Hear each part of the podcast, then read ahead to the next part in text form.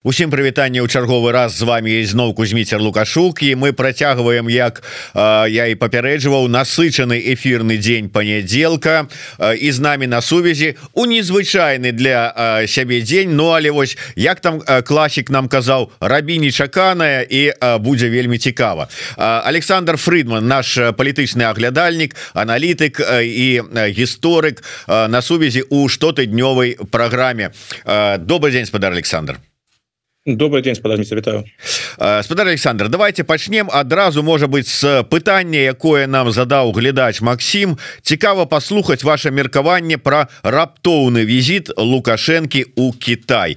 І вось сапраўды Як вы лічыце ці нечаканы ці запланаваны гэта быў візіт? Нешта незразумела с афіцыйных паведамленняў. Что гэта было Ну калі мы паглядзім на тое что на дадзены момант вядома тое что нам ужо показалі з тымі падарункамі якія там прывёз лукашенко сустрэчу ў пекінскім універсітэце ён нават у хоккей там гуляе Ну відавочна гэта было запланавана загадзя запланавана і нам про гэта просто не паведамлялі Ну Мачыма у Беларусі амаль ніхто про гэта і не ведаў бо калі нават паглядзець на дзяржаўную прапаганду то апошнім чы апошнім часам что яны там паведамлялі Ну нічога не казала про тое что рыхтуецца вось такі візіт А гэта несумнеўна вельмі важный візіт для лукашэнкі. Напэўна куды нават больш важный чым ты яго ваяжы у Москву альбо там іншыя гарады России да гэта же усе празвычаіліся тут нічога надзвычайнага няма. Ўсё ж таки у Кітай. Гэта сустрэчы на іншым узроўні.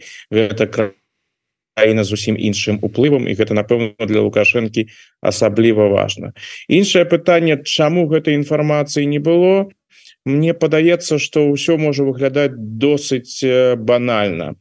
Ну, першы момант ён звязаны з тым что лукашенко сам імкнецца як мага калі ён уже павінен ехаць за мяжу ён імкнецца рабіць за один раз як мага больш напрыклад для того по гэтай напрыклад Ну мне падаецца что гэты усе усе гэтыя вандроўкі якія ён робіць усе гэтыя падарожжы яны для яго досыць складана выглядаюць таму калі ўжо выправіўся дык як мага больш за один раз і напэўна кітайская китайский бок пайшоў гэтым разам насустрач Ну а іншае пытанне яно выглядае іншы аспект ён выглядае як мне падаецца досыць банальна гэта пытанне бяспекі лукашенко з'язджае на пэўны час ён пакідае краіну А гэта значыць ён сыходзіць ад таго што нешта ў краіне можа адбыцца за гэты час. Усё ж такі такі досыць працяглы калі яго няма некалькі дзён. Гэта Мачыма нейкішта з боку той же номенклатуры змовы іншыя гэта ж вядомы канспіролог ён такія выпадки не выключае. Акрамя того ўсё ж таки побач ідут военные дзеяння про гэта ён таксама не забываецца.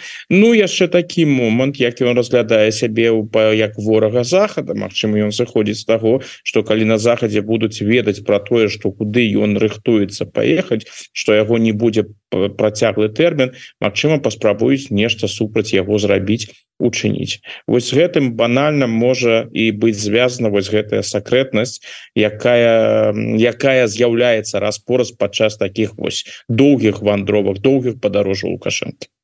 Такім чынам вот глядзіце паведамленне э, апошняе у телеграм-канале Нік і Майк з э, трох сказаў і то есть можна аспрэчыць усе тры таких канспіралагічных сказы. Першые эміратскія канікулы прыйшлось прырваць то есть не прыйшлося а была запланавана такая вось такі графік срочно вызвали в Пекін на повестке дня транзит і воентех Ну атрымліваецца не тэрмінова выклікалі а таксама запланавана але вось пытанне транзіта. Дарэчы вось наколькі яно сапраўды можа быть узнятае. І после турне не менее срочно нужно ехать в Кремль.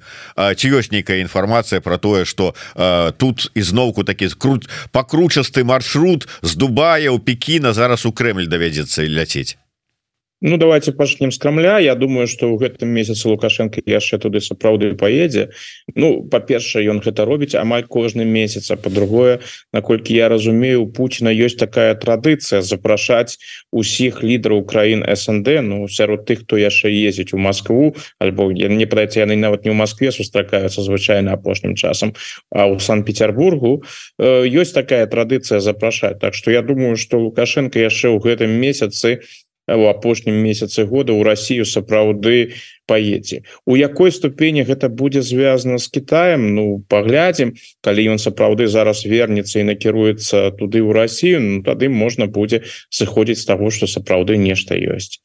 Можа там а можа все і абмяжуецца там телефонной размовай паміж ім і Путиным я шчыра кажучы не думаю что китайскі бок выкарыстоўвае лукашенко нейкім чынам як канал камунікацыі з крамлем калі яны жадаюць размаўляць з Росіяй яны размаўляюць без пасярэдніка. Тут ім лукашенко лукашенко відавочна не патрэбны другі момант які звязаны з мяжой Ну гэта цалкам можа быть гэта ж важное для Китая пытанне. Тут что шэраг пытанняў які абмяркоўваліся ён фактычна не акрэслены. Усё выглядае досыць агульна. Мы можем сухой сыходзіць з таго што яны абмеркавалі усе галоўныя унутрыпалітычныя і эканамічныя пытанні і знешнепалітычныя. Але ўсё ж таки про про тое да чаго яны дамовіліся калі увогуле да чагосьці дамовіліся. Мы про гэта ўсё роўна не даведаемся альбо даведаемся постфактум калі будемм сачыць за падзеямі что сапраўды будзе адбывацца. Это ж не тыя люди что китайскі бок что беларускі якія нешта сур'ёзна паведамляюць а тыя заявы якія рабіў сі альбо які рабіў лукашенко Ну яны выглядалі досыць агульна. Ну что мы побачылі что китайцы ставятся до да яго з э, павагай. Ну китайцы фактычна амаль заўсёды выказваюць гэтую гэтую павагу гэта такая модель паводзіна у тебя цяжка нешта такое зразумець. Фактычна эмоцыі там амаль не показваюцца Ну пачулі тое что ён сказаў як адрагуць іншае пытанне. Сам лукашенко сваю прыязнь выказваў. Яму трэба было показать наколькі важны яму Кітай. І там э, было бедавочна іерархічныя ўзаемаадносіны что вось ён лукашенко прыехаў да вялікага сябра ганарыцца тым что ён ну там увогуле у Пекіне прысутнічае что для яго знайшлі час. І нават вось была формуліроўка формулёўка у лукашэнкі. Ён рыхтаваўся до да гэтага візіту. Калі вось пачуць то ён там про што ён с Путиным гаворыць там мне падаецца ніколі не было что каб ён подкрэсліваў Вось я падрыхтаваўся до візіту прыехаў до сябра прыехаў до брата а тут відавочна у відавочна рыхтаваўся. Что ж яшчэ тычыцца вось гэтага пытання что яны яго выклікалі? Ну не выглядае что яны яго так ужо выклікалі. Напэўна там былі пэўныя дамоўленасці что напрыканцы году ён прыедзе. Мачыма ён сам хацеў туды праехаць і кітайцы пагадзіліся яго прыняць. Ну а вось калі паглядзець на гэтые вострыя пытанні тое ж пытанне мяжы дык апошнім часам сапраўды абвастрэнняў то не было. Лукашенко не жадаў дадаткова правакаваць. Вось там на фінска-расійскай мяжы з расійскага боку там ідзе сапраўды абвастрэнне А вось лукашенко да гэтага абвастрэння на польскім альбо на літоўскім латвійскім накірунку у апошнія дні ж не ён у гэтым ніякім чынам не удзельнічаў Магчыма ён ведаў что поедзе ў Кіта что там будуць размаўляць про гэтае пытанне Ну так навошта пастраць Ну і апошнія падарункі Ну відавочна тое что гэтыя падарункі ў такім колькасці былі падрыхтаваны і вось калі там паглядзець на лукашенко Ну бачна что яны сур'ёзна до гэтага рыхтаваліся і прадумвалі что падараваць кітайцам Ну такія рэчы спонтанна не адбываюцца. Таму гэта з майго пункта гледжання падрыхтаваны візіт які просто быў з пытанняў бяспекі таямнічым. Ну а зараз таямніца стала рэчаіснасцю і у беларускай дзяржаўнай прапагандзе хопіць зараз на месяц ці нават больш магчымасцяў каб распавядаць які гэта быў выбітны візіт але глядзіце я чытаў про тое что нават там ну лідарам сапраўды таких краінаў паважных і значных кшталту ну той же самой Францыі ім яшчэ вот дамагчыся сустрэчы умоўна там макрона с сидзяньпінем Ну гэта как бы такая вось яшчэ задачка узгадніць графікі дамовіцца яшчэ ці пагодзіцца кітайскі лідар. А, а тут вот как-то вот ну вот раз і ёсць у чым цікавасць Китая да Беларусі что вот как бы ну такая незначны абсолютно гулец на міжнароднай арэне як Беларусь і тым больш Китай і вот такая увага Ну я думаю гэта конечно связано с асаблівасцямі адносінаў і я не думаю что тут сапраўды было нешта спонтанное. Напэўна калі яны вось гэтае супрацоўніцтва мінулым разам выбудоўвалі была напэўна нейкая дамоўленасць что напрыканцы году будзе яшчэ один візит не си дзеньпіня у Беларусь канешне а лукашэнкі у Кітай каб гэта яшчэ раз абмеркаваць падсумаваць паглядзець на вынікі і таму вось гэтым гэта гэты візіты быў звязаны іншая справа конечно нешта спонтанное там з гэтым ёсць цяжкасці Ну для вялікіх краінаў усё роўна китайцы знаходзяць час а тут ну Беларусь сапраўды да вялікіх краінаў не належыць але два разы у ён з ім за гэты год усё ж таки сустрэўся. Гэта звязано конечно з эканамічнымі пытаннямі гэта звязано і з вайной якая супярэчыць інтарэсам Китая і Китай зацікаўлены ў тым каб гэтая вайна якімсьці чынам ужо скончылася і далей можна было б развіваць супрацоўніцтва і транзіту еўрапейскім накірунку. Ну і ўсё ж таки такі важный момант гэта той рэжым лукашэнкаўскі які сам ідзе на шчыльнае супрацоўніцтва з Китаем які сябе прапаноўвае які робіць усё каб Китай зацікавіць і імкнецца працаваць Китаем на доўгую перспектыву. Таму з пункту гледжання Китаю гэта досыць дальнабачна вылучыць час і для лукашэнкі паразмаўляць з ім і тым самым зрабіць вось інвестыцыю у доўгатэрміновае супрацоўніцтва тым больш што яны як мне падаецца на дадзены момант сыходзяць з таго што лукашенко гэта на працяглы тэрмін что лукашенко застанецца ў Беларусі ва ўладзе что гэты рэжым застанецца Ну і таму мае сэнс інвеставаць час у гэты рэжым калі закрануць пытанне міграцыйнага крызісу сапраўды такое вот супадзенне что акурат на час візіту лукашэнкі у Пекін палякі увогуле как бы не зафіксавалі ніводнага вот буквально заўчора ніводнай спробы нелегальнага перасячэння мяжы. Ну безумоўна гэта ж там самі вот гэтыя патэнцыйныя мігранты нелегальныя вырашылі что ну не час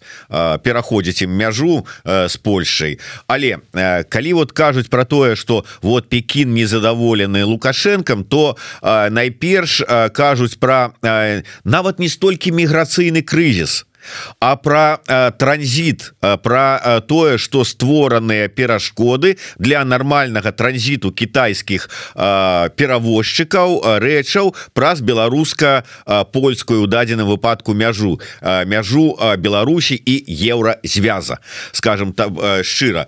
Э, і ну вот нават тое что міграцыйны крызіс мігра... спробы гэтыя э, нейкі там прыпынілі іх зараз няма. Нават калі знісілі накал гэтага гэтага міграцыйнага шантажу. Это ж ніякім чынам не дапамагло транзіту пытання вырашэння гэтага пытання. Такім чынам атрымліваецца ну что альбо гэта не так ужо крытычна для Китая транзит праз Беларусь альбо что яны там могуць паабяцаць ці гэта не неважно цівогуле не это не тэма для абмеркавання? Не, я думаю что гэта тэма і падчас э, гэтых размоў лукашенко імкнецца ім кнулся мінулым разам і напэўны гэтым разам давесці что ён тык усё робіць у китайскіх інтарэсах ён зусім не супраць ён бы і на мяжы ўсё было нормально і тихо і спокойно. Спадар Александр Ну китайцы китайцы у э, плане э, дыпламаты і вырашэння палітычных крызісаў собаку з'ели Ну не лукашенко іх спрабаваць падмануть у этом пытанні так не не не я думаю что там ідзе трошки інакш э, у тым накірунку что ён імкнецца тлумачыць что ён бы зрабіў то ўсё праблема не ў ім праблема ў Росіі і вось у якой ступені праблема сапраўды ў Росіі якая ступеня самастойнасці у лукашэнкі конечно я думаю что шмат что ён кантралюе ён можа рэгуляваць там аб'ёмы памеры міграцыйнага крызіса ён можа сапраўды імкнуцца палепшыць стасункі з Польшай літвой і іншымі краінамі але яго самастойнасць яна ж абмежаваная у гэтым пытанні і китайцы дакладна гэта яму ведаю іх дакладна гэта ведаюць Таму яго месседж китайскому нейкаму кіраўніцтву як мне падаецца выглядае наступным чынам. Я раблю ўсё что могу я на вашем баку. Я выдатна разумею чаго вы жадаеце але вы зразумееце мяне тут не ўсё я могу зрабіць. І вось ці верыць кітайскі бок у гэта ці не Ну гэта ўжо іншае пытанне. Что тычыцца мігрантаў ён себе показаў так бы мовіць зараз для Китая з лепшага боку. Вось ён-то ну яго на мяжы ўсё досыць спакойна. У дадзены момант я подкрэслю у дадзены момант спакойна.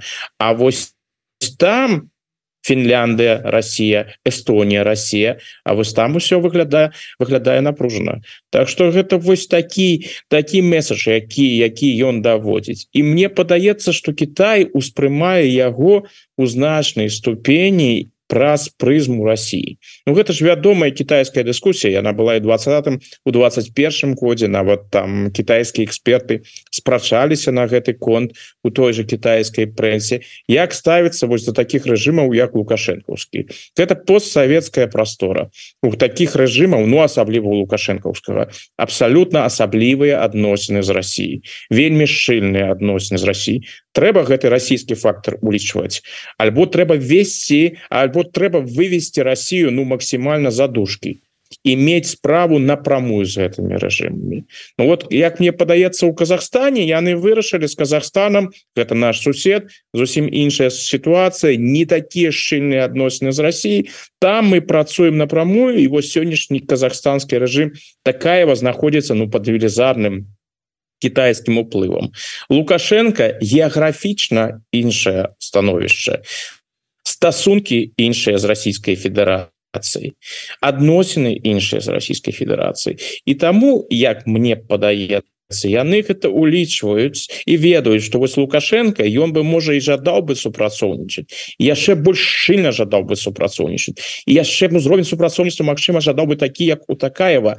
Але цяжка гэта зрабіць калі побач знаходзіцца Россия. Так что расійскі фактор яны улічваюць Хаця вось что насамрэч было цікава і у, у сидзеньпіна я іншага і не чакаў у лукашэнкі. Ось сярод усяго того что мы зараз пачулі ад лукашэнкі тое что яны прадэманстравалі у тэкставай версіі альбо з гукам выказванняў про Россию не было увогуле ён імкнуўся прадэманстраваць сваю самастойнасць і показать китайцам Вось я на вашем баку за вами будучыню я хочу з вами супрацоўнічаць і мы можем супрацоўнічаць без расійскага фактора Ну ці пожадаюць китайцы так шчыльна супрацоўнічаць не улічваючы расійскі фактор тут я не упэўнены. Дарэчы шмат размоваў про тое что зараз Китай дзейнічае у дачыненні да России гэтак жа як Россия дзейнічае у дачыненні да Беларусі. Маўляў прывязывае і подціскае под сябе па ўсіх параметрах найперш па эканамічных безумоўна. І ведаючы колькі китайцаў зараз на дальнім усходзе як яны ставяцца да тых тэрыторый як зараз залежыць Россия от китайской дапамоги э, не не гучнай скажем так не афішаванай але у гэтай вайне ва ўкраіне э, с іншага боку мы кажам что вот э, тое что сітуацыя якая ёсць на мяжы Беларусі і Еўросаюза э, гэта лукашенко не можа вырашыць бо за гэтым стаіць Москва Няўжо Кітай не можа націснуць на Москву Ну у гэтым выпадку я б уплыў Китая не перабольшваў. Яны хотели б канешне каб адносіны у іх з Россией былі прыкладна такія же адносіны как у России з Беларусю дзе сапраўды вельмі моцны уплыў асабліва ў вырашальных пытаннях і я думаю что карэнныя пытанні якія тычацца вектару развіцця Беларусі асабліва ўсё тое что лічыцца прынцыповых рашэнняў у знешнепалітычнай галіне что гэта ўсё без удзела Москвы не прымаецца не гаворачы ўжо про абарончыя пытанні про пытанні мяжы іншае іншае А вось Китай конечно ён уплывае на Москву і уплыў там вельмі моцны.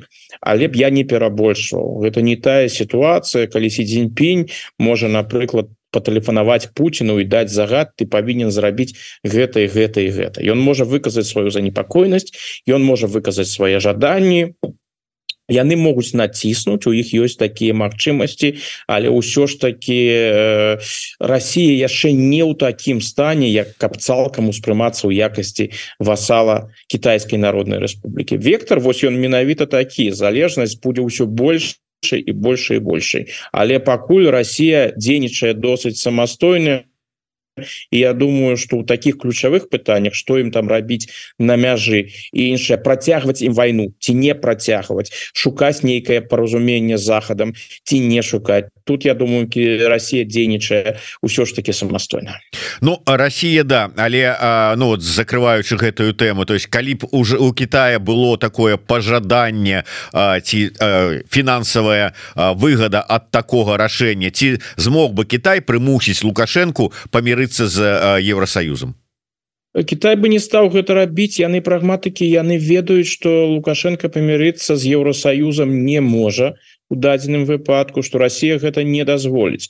Яны рэалісты яны ось ацэньваюць сітуацыю якая яна ёсць. Ну і жаданне конечно ім было б э, лепш калі б адносіны паміж Беларусю еўразвязам былі лепшыя.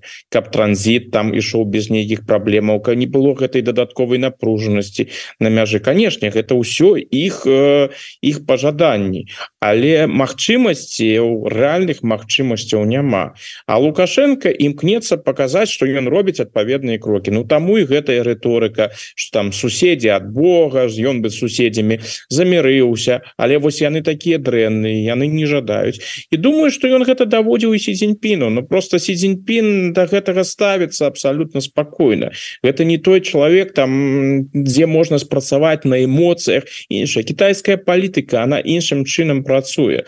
Таму яны гэта выслухали выказалі сваю сваю позицию высло выказали свае пожаданні а лукашенко Я думаю вельмі добра разумее калі китайскі вельмі добра гэта дарэчы поставлена і он прызвычай все уже адносінах с Путиным. Калі там выказывается человек больш моцны уплывовы за цябе выказывая адпаведныя пожаданні Ну гэта сігнал что трэба імкнуться прынамсі нешта зрабіць. Ну ён это пачуў. Ну, будзе напэўна рытарычна нешта нешта рабіць. Может сапраўды сітуацыя на мяжы будзе зараз такая трохі спакайнейшая. Але прынцыпова змяніць сітуацыю ён не можа бо гэта не ад яго залежыць про сітуацыю за на мяжы але крыху з іншага боку. Пытанне ад гледача под нікам Макссім як паважаны спадар Александр ацэньвае тое что адбываецца вакол Украіны? Краіну зліваюць? Ну вот тут вот шмат размоваў про тое что адбываецца на украінска-польскай мяжы гэтыя там забастоўкі гэтые перакрыццё. Зараз кажуць про тое что закране гэта не толькі Мачыма такая сітуацыя перакрыцця Э, польска э, украінскую мяжу але і, і межы с іншымі краінамі еўрапейскімі что гэта я все ж таки сказал что гэта больш складана гэта цяжкая сітуацыя вельмі цяжкая вельмі напружаная адносіны відавочна пагаршаюцца ёсць розныя інтарэсы прынамсі у таких краінах я Польша Словакія Венгрыя у іх сваё стаўленне до таго что адбываецца ва ўкраіне яны не задаволены по розным прычынам тым як ідзе вайна ёсць канешне пэўная стомленасць і на еўрапейскім узроўні ёсць гэтае адчуванне что мы дасягнули так нейкіх такого тупіковага становішча бо незразумела ні ў які накірунак по эта вайна пойдзе калі ні адзін з бакоў не ў стане атрымаць перамогу что падзеі хутчэй за ўсё будуць працягвацца так тое ж самае гэта было гэтым 23 годзе ў будучыні. І гэтай трагедыі гэтай катастрофе якая моцна ўплывае на Украіну гэта зразумела але ўплывае на Еўропу что выйсця з гэтай сітуацыі няма. І вось таму і гэта у напружанасці яна ўзнікае яна ўзнікае праз розныя інтарэсы і лакальныя інтарэсы і глобальныя інтарэсы галоўнае пытанне яно пакуль застаецца ўсё яшчэ без адказу як яно будзе далей? Ёсць гэтые тры опцыі яны ёсць самага пачатку войны першая опцыя пастаўляць зброю у той колькасці і той якасці як это рабілі. До сённяшняга моманта зазваляла Украіне супраціўляцца і дасягаць нават у мінулым годзе пэўных пэўных поспехаў. У гэтым годзе ўсё выглядала уже куда больш складана. Это першы момант. Другі момант гэта сапраўды гэта другі другая магчымасць друг другая опцыя гэта спыніць дапамогу Украіне але гэта рэч абсалютна катастрафічная бо гэта вельмі моцна даб'ецца на самой Украіне значна пагоршыць яе становішча. Ну і гэта не вырашыць сітуацыю прынцыпова бо гэта будзе азначаць яшчэ большыя праблемы у будучыні для еўрапейскіх краінаў. Трэцяя опцыя пастаўляць Украіне ўсё тое што яна жадае тут рашымасць тут такой вось готовнасці гэта зрабіць пакуль не не назіраецца бо па-першае не жадаюць звыш звыш рызыку дайсці да звыш рызыкі каб справа не закончылася вялікай сусветнай вайной. Ну і по-другое пасля гэтага году і не упэўнены ў тым что нават калі ўсё тое что Украіна патрабуе будзе ёй пастаўлена что гэта дазволіць э, нейкім чынам нейкім чынам по э, змяніць падзеі на карысць Украіны. Ну есть яшчэ і далейшая магчымасць імкнуцца э, Украіну схіляць да нейкіх перамоваў з Росіі Ну тут жа ізноў жа калі нават Украіна продемонструе готовнасць на нейкіх перамоваў это ж не значыць что на гэта пойдзе Россия Россия у сённяшняй сітуацыі сітуацыя змянілася. За гэты 23 год. У краю Россия ставіць по-ранейшаму на перамогу войне. Яны перабудоўваюць сваю эканоміку яны робяць военную эканоміку яны збіраюцца ваяваць і надалей прынамсі у наступным годзе Так что у іх зацікаўленасці у нейкіх перамоваў няма Так что еўрапейцы калі у амерыканцы калі у іх ёсць такая пэўная ілюзія что тут можна скончыць замарозіць нейкім чынам гэты канфлікт не такой магчымасці на дадзены момант няма Таму трэба прыйдзецца вырашаць альбо дапамагаць альбо не дапамагаць Ну але а, калі разуменне того что перамовых перамоў не будзе ці яны не дадуць станоўчага выніку калі такое разуменне ёсць то якое пытанне дапамагаць ці не дапамагаць?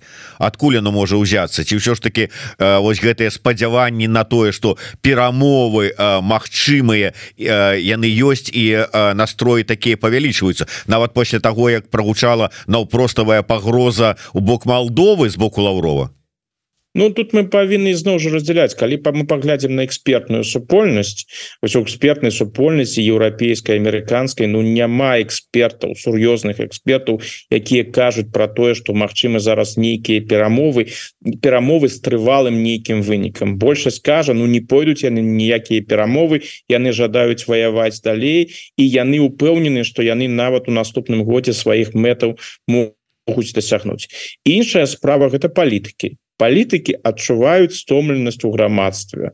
Грамадства не бачыць выйсця з гэтай войны ёсць вялікая напружанасць звязаная з гэтай войной і увогуле гэтае уяўленне что вось тая форс-мажорная сітуацыя у якой мы зараз апынуліся у Еўропе у злучаных штатах что гэта форс-мажорная сітуацыя не скончыцца заўтра не скончыцца паслязаўтра что гэта надоўга гэта вельмі дрэнна уплывае на на маральны стан грамадства палітыкі гэта адчуваюць і таму імкнуцца казаць тое что грамадства жадае чуць. Ну зараз ёсць пэўны запыт на гэтую рыторыку с перамовамі бо апошнім чынам усе іх амаль усе эксперты кажуць что военнага выйсця зараз няма. Няма выйсця павінны быць перамовы. Ну а калі перамову не будзе то Дык тады будуць спрабаваць іншыя выпадкі Ну пакуль напэўна будуць з гэтай рыторыкай працягваць. А потым калі пабачыць што ўсё ж таки перамоваў не будзе прыйдзецца сур'ёзна дапамагаць. Бо з заходняга пункту гледжання з еўрапейскага пункту гледжання з амерыканскага пункту гледжання тут прайграць нельга. Калі Росія атрымае ўсё что яна жадае калі Росія атрымае перамогу гэта будзе толькі пачатак толькі пачатак і тут нас чакае чакаюць яшчэ куды больш захлежахлівыя падзеі у гэтым выпадку. Разуменне того что трэба пастаўляць зброю пастаўляць нормально і нормальную зброю яно ну может быть не адразу там завтра ці потом адразу пасля нашай з вами размовы але ў бліжэйшыя дні ўсё ж таки будзе Ну яно павінна быць Ну ёсць шэраг палітыкаў якія адкрыта про гэта кажуць ось той же прэзідэнт Чехії Пётр Павел. Он кажа что мы павінны сказаць адкрытым тэкстам альбо мы сапраўды ідзем на паразу Украіны то бок не подставляем ёй нічога новага пакідаем яе ў тым стане у якім яна зараз знаходіцца і ў лепшым выпадку гэта будзе кансервацыя сённяшняй сітуацыі а хутчэй за ўсё ўсё для Украіны яшчэ больш паго яшчэ пагоршацца альбо мы сапраўды ставім на перамогу і тады пастаўляем украінцам не нешта там про тры тры гады і іншае але мы перабудоўваем сваю эканоміку і пастаўляем украінцам тое что што яны зараз патрабуюць. Час калі час і гэта ўжо відавочна ён на баку Росіі паколькі нейкага ціску ад расійскага грамадства чакаць не выпадае нягледзячы на ўсе тыя страты якія ідуць Путін карыстаецца падтрымкай большасці насельніцтва Росіі рэпрэсіўны апарат там працуе. Арміі людскога патэнцыялу таксама таксама хапае зараз яны будуць перабудоўваць сваю эканоміку ўжо пачалі перабудоўваць на военны лад яшчэ больш выдаткоўваць грошаў на армію на ўзбраенне. Так становішча пагоршыцца эканамічнае становішча пагоршыцца ў расійскай федэрацыі але гэта не на такой ступені пагоршыцца каб адбылося там нешта крытычнае. То бок военный патэнцыял Росіі будзе хутчэй за ўсё павялічвацца калі не будзе адпаветнага адказу з боку НАТО і перш за ўсё з боку злучаных штатаў Украіна апынецца у вельмі дрэнным становішчы. А пасля Украіны ў будучыні і іншыя краіны Э, так я адразу нагадываю усім хто раптам гэтага не зрабіў каб подпісаліся па-першае на телеграм-канал спадара Александра Фридмана гэта абавязковая умова асабліва для тых хто піша постоянно что выдатны гость заўсёды прыемна слухаць спадара Александра. Так что таким чынам вы мусіце просто і на телеграм-канал яго подпісацца Ну і безумоўна YouTube канал еврорады тут скардзіліся что паведамленні про новы стрым не не прыходзяць нагадаю что не толькі подпіска але і націснуть на звоночек каб прыходзілі паведамленні Ну і пішыце свае каментары яшчэ раз нагадываю рабіць гэта ўсё ж таки лепш тым для кого гэта бяспечна. Тому что прагляды праглядамі подпіски подпіскамі але бяспека наших гледачоў і слухачоў яна для нас больш важная. Слово фетиш фактычна апошнімі днямі гэта перамовы. Я тут пераскочу на іншую тэму хоць мы не планавалі яе з вами абмяркоўваць але просто цікава ваше меркаванне з пункту гледжання вось ацэнкі настрояў еўрапейскай еўрапейскага палітыкума істэблішмента палітычнага. Вот зараз у варшаве праходзілі слуханні по пытанні вызвалення палітычных вязняў фактычна ўсе казалі про неабходнасць перамоваў с рэжымам у працы гэтай вызвалення палітвязняў. І безумоўна все разумеюць что ну не будзе перамаўляцца на гэтую тэму да і на любую другую. Умоўны там лукашенко ці хто-нибудь яшчэ ад яго сур'ёзны а не які-нибудь балабол кшталту там воскресенскага ці гігена ці яшчэ кого-нибудь там стихохановскай Маўляў павінны гэтыя перамовы весці еўрапейскія лідары еўрапейскія палітыкі краіны там пэўныя становіцца такими пасярэднікамі. Мачыма гэта? Вот ваша ацэнка глеючы на за настроямі еўрапейскага палітыкума?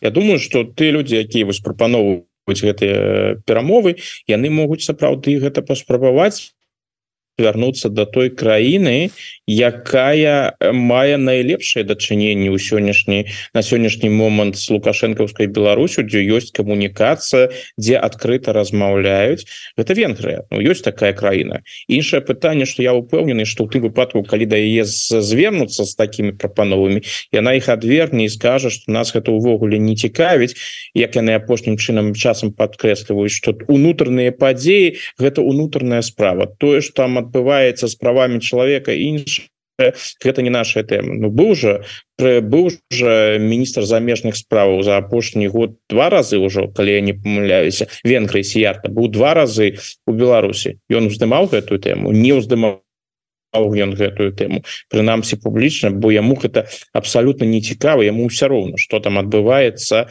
і з беларускімі палізняволенымі і іншае что тычыцца еўрапейскага боку калі мы выйдзем усё ж таки на еўрапейскі бок то тут формула рух перамоваў яна ж разумелая что хоча лукашэнкаўскі бок. Лукашэнкаўскі бок хоча адмены санкцыяў. Будуць адмене санкцыі Я думаю что ў гэтым выпадку лукашенко пагадзіўся бы выпусціць пэўную колькасць палітвязняў. Можа выпусціў бы нават кагосьці з вядомых палітвязняў якія з яго пункта гледжання Мачыма ўжо яму асабліва не не пагражаюць. То бок на такія крокі бы ён пашоў. Але ён чакае что будуць адменены санкцыі. А цяпер паглядзім на кантэксту якім э, зараз існуе Беларусь. Першае. Усе галоўныя санкцыі самыя моцныя санкцыі якія ўвадзіліся яны былі яны ўвадзіліся не за палітычных вязняў не за пагаршэнне сітуацыі з правамі чалавека. Яны ўводзіліся за удзел Беларусі у вайне. На гэтым накірунку нешта змянілася за апошні год. Ну прынамсі к Беларусь больш актыўна ў вайне не удзельнічае але пытанне украінскіх дзяцей там гэты удзел Ну ён уже задакументаваны про гэта ўжо шмат размаўлялі. А тое что рабілася ў мінулым годзе ніхто не адменяў Вось что Беларусь порвала з Россией кажа что война гэта дрэнна мы больше Россию не падтрымліваем? Не. Падтрымка ідзе по розным накірункам ідзе падтрымка. Ну калі санкцыі вводзіліся за падтрымку расійскай войны то яны і будуць адменены у тым выпадку калі гэтая падтрымка войны зменится у астатнім луку адносіны паміж лукашэнкам і Еўропай не паляпшаюцца не пагаршаюцца. Это такі пэўны статус-кво. І тут для еўрапейцы я не бачуць нейкіх канкрэтных пазітыўных зменаў каб можна было там і весці нейкі дыялог адмя мяняць санкцыі і дамагацца ад лукашэнкі вызвалення палітвязняў Ну іншы момент ён вельмі непрыемны для беларускага боку але на жаль вось гэта такая прыкрая сённяшняя палітычная палітычная рэчаіснасць. Пытанне палітзняволеных у Беларусі пытанне з унутрапалітычным станам зусім тым что адбываецца сёння у Беларусі унутры гэта перыферыйнае пытанне для еўрапейскіх палітыкаў. Так калі яны сустракаюцца з ціхановскай альбо там ёсць новая нейкая інфармацыя про палітзняволеных дрэнная інфармацыя звычайно звычайна ідуць гэтыя патрабаванні. Яны робяць патрабаванні такія тыповыя вызваліць. Но яны робяць выходзяць з такімі патрабаваннямі і ў выпадку венесуэлы. Яны выходзяць з такімі патрабаваннямі у выпадку розных афрыканскіх азіяцкіх краінаў у выпадку Китая так на словах усё кажуць что вось мы выступаем за вызваленне і спачуваюць конечно спачуваюць любы нармальны разумны чалавек спачувае тым людям якія сёння знаходзяцца ў Беларусі за кратамі за палітычныя справы. Але нешта практычнае зрабіць Ну гэтага ніхто не робіць. Нават паглядзіце на сітуацыю за лесем бяляцкім. Нобелеўскі лаўрэат знаходзіцца ў Беларусі за кратамі. Перспектывы что ён выйдзе ну на дадзены момант нулявыя что было зроблена были уведены нейкія сур'ёзныя санкцыі за тое что у Беларусі за кратнымі сядзіць нобелеўскі лаўрэат нічога зроблена не было. Так что э, у гэтым выпадку я я сыходжу з таго что можа там за кулісамі ідуць нейкія перамовы но что гэта будзе з гэтага нешта канкрэтнае что будзе вынік я ў гэтым зусім не упэўнены на жаль палітычная рэчаіснасць і знешні палітычны кантэкст ён надзвычайна неспрыяльны. Ну просто на дадзены момант не не можа захад калі мы уже говорим про захад нешта лукашенко прапанаваць чтоб яго зацікавіла каб ён напрыклад выканаў каб гэтая прапанова была прынята і ён бы вызваліў пэўную колькасць палітвязняў. Просто канструкцыі такой на дадзены момант Ну я ў прыватнасці не бачу на жаль добра другі момант ён как бы троху утрыраваны с аднаго боку з другого боку ён быў троху перадзёрнуты коллегамі выдзернутыя словы со словаў эксперта Павла слюнькіна. Дарэчы Павел слюнькінь будзе праз гадзіну у нас у эфиры мы абмяркуем больш падрабязна гэтую тэму. Але прогучала такая что ну уявім сабе дэмакратычныя сілы усе кажуць все мы зразумелі что мы проиграли мы закрываем свои офисы кабинеты управленні і все астатніе на амбарны замокі разыходзімся там працаваць касірамі ў жабку і у бедронку і і ўсё і маўляў спыняем сваю дзейнасць А ты лукашенко легітымны давай ну що мы тут мы с тобой нічога зрабіць не можем. І ён тады скажа А ну раз вы тут уже ўсё больш со мной не воюеце смерти маёй не хочаце тады і вось гэтых вось сидзе удзельцаў я выпускаю. Мачымы такі варыянт? Не. Ён немагчымы потому что тому что лукашенко відавочна калі ён э, працягвае рэпрэсіі ён працягвае не таму что ён лічыць что ты хто знаходзяцца за мяжой могуць так асабліва паўплываць на на на становішча ў Беларусі. Ён ідзе імкнецца зрабіць некалькі крокаў наперад каб у пры прынцыпе тое что было ў двадцатым годзе не паўтарылася гэта першы момант другі момант гэта такая рэч як помста.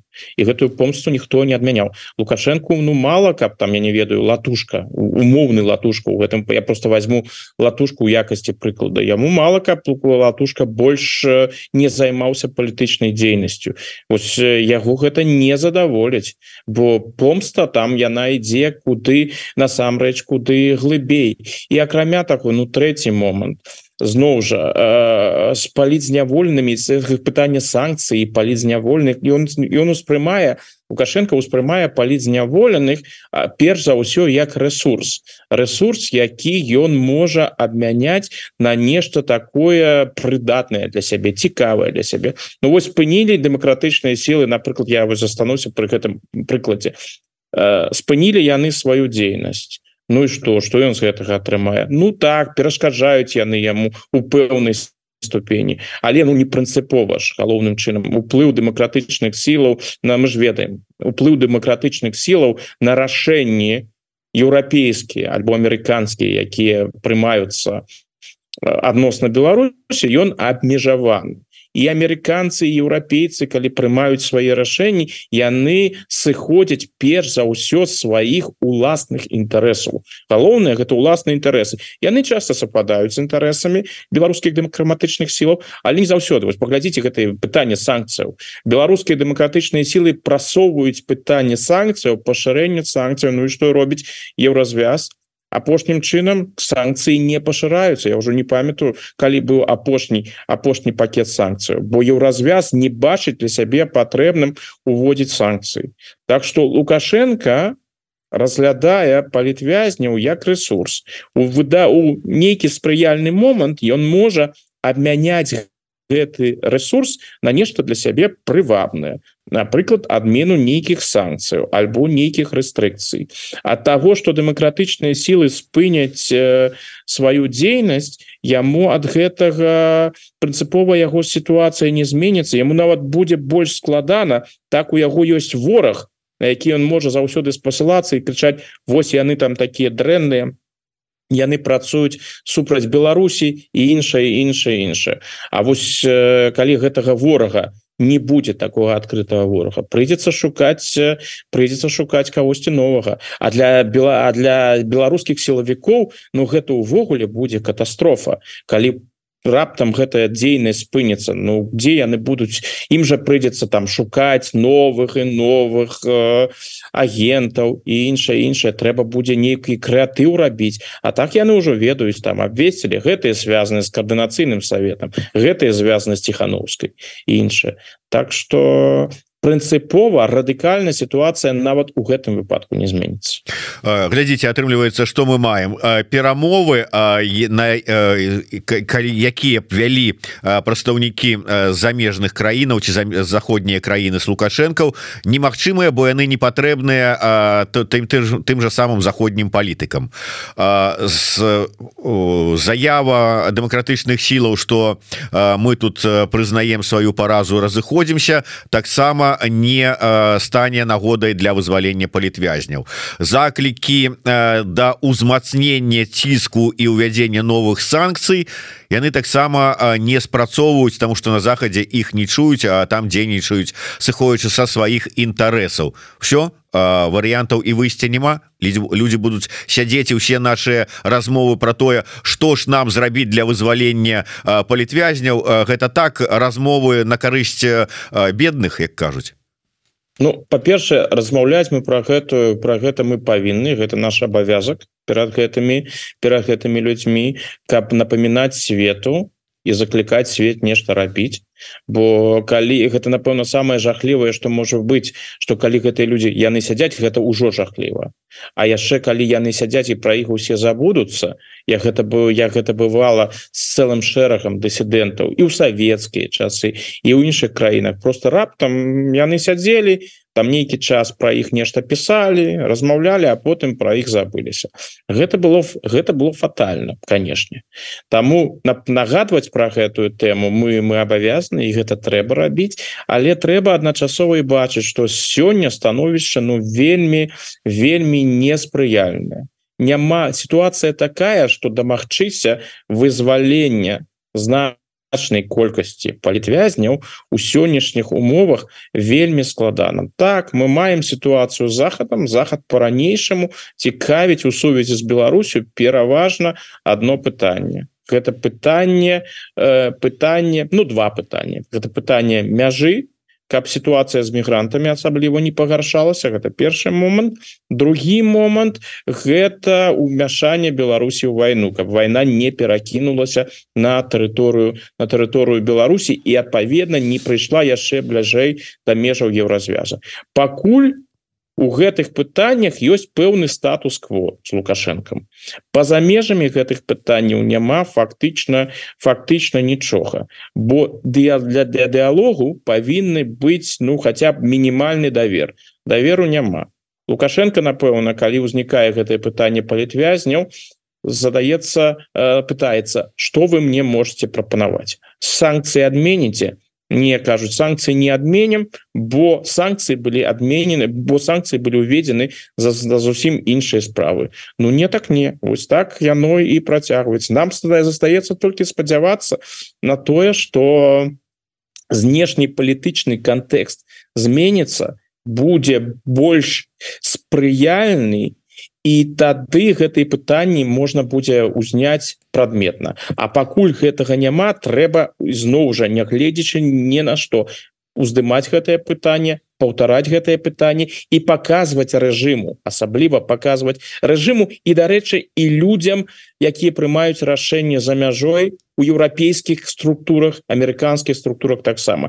Про палітвязняў не забыліся гэтае пытанне не знікла гэтае пытанне ёсць гэтае пытанне патрабуе вырашэння.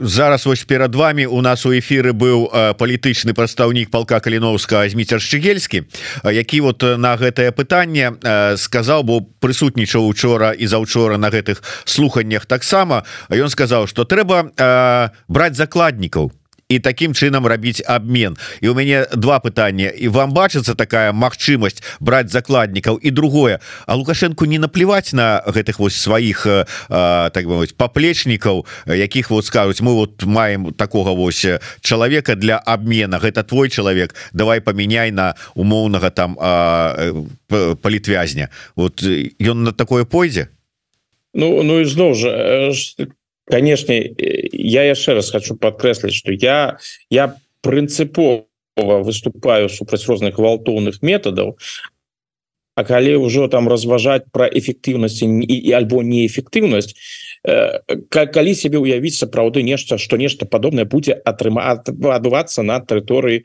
еўразвязу напэўна Ну будзе ж адпаведная рэакцыя з боку еўрапейскіх уладаў яны не дазволіць каб тут некага бралі ў закладнікі і іншага. Таму і стаўленне да ўсёй беларускай дэмакратычнай супольнасці яно зменіцца. Мы ж ведаем ёсць такі вопыт там як змянялась напрыклад стаўленне да руха баскаў калі тэрарыстычная групоўка баскаў это перайшла до тэрарыстычных метаў стала выкарыстоўваць гэтыя тэрарыстычныя гэтыя тэрарыстычныя методы з другого пункту где з другога боку калі нешта падобнае будзе адмывацца з прадстаўнікамі рэжыма за мяжой унутры Беларусі толькі ўзмацняцца рэпрэсіі бо там хапае тых людзей якімі маглі б зацікавіцца уладай і з якімі яны маглі б э, зрабіць нешта нешта дрэннае. Ну яшчэ третий момант. Тут мне ўзгадваецца прыклад э, не ведаюць ці ці разважаў спадарчы ельскі ў гэтым накірунку но быў прыклад э, такой такой групоўкі якая дзейнічала ў злучаных штатах на 60 першая першай палове 70-х гадоў 20 стагоддзя. Jewish Defense League Э, групоўка на чале з рабіном мерам кахана якая выступала патрабавала ад Савецкага союзу дазволу на эміграцыю яўрэяў з Савецкага союзу і паколькі ішоў пераслед яўрэю яўрэйскіх актывістаў гэтая групоўка ў злучаных штатах дзейнічала вельмі радыкальна. Яны сапраўды нападалі на савецкіх дыпламатаў узрывалі там розныя канцэрты савецкія іншыя іншыя іншыя. Імі ў пэўны момант зацікавілася паліцыя ў злучаных штатах і у іх з іхні узніклі сур'ёзныя праблемы А что ж тычыцца Савецкага союзу? Ну савецкія улады яны гэта побачылі і сталі ставіцца больш асцярожна хотя б да яўрэйскіх актывістаў у пэўным сэнсе але гэта былі савецкія улады. Таму ж брежневу напрыклад у 70 гады яму было важно что яго пишутць на захадзе як яго бачыць на захадзе яму было важно ездить на захад і сустракацца з амерыканскім прэзідэнтам с федеральным канцлером Германії з французскім прэзідэнтам і іншым. А сёння у нас іншая рэчаіснасць. Сёння у нас вайна ў Еўропе і лукашенко і Путін яны ж дакладна ведаюць что яны ніколі не поедуць з візітамі у тую ж Германію альбо злучаныя штаты. Что тут масты у яны спалены что тут усё скончана Я думаю что сёння лукашенко ну абсолютно ўсё роўна что там про яго думаешь что там про яго пишутць іншае Так что нават калі такія методы будуць выкарыстана Я думаю что гэтага не будзе яны мэтаў не дасягнуць. Лукашенко гэта не той чалавек на якога такое можа паўплываць Дякую вялікі. На жаль трэба завершаць наш эфир нягледзячы на тое что тэмы э, засталіся але я думаю абмяркуем наступным разам. Так что дзякую вялікі э, спадар Александр. Подписывайтесь яшчэ раз нагадаю на телеграм-канал Александра Фридмана і YouTube канал э, еврорады ставьте свои падабайки націскайте звоночек расширвайте пишите каментары А мы працягваем нашу працу. До сустрэчы жыве Беларусь. Привет.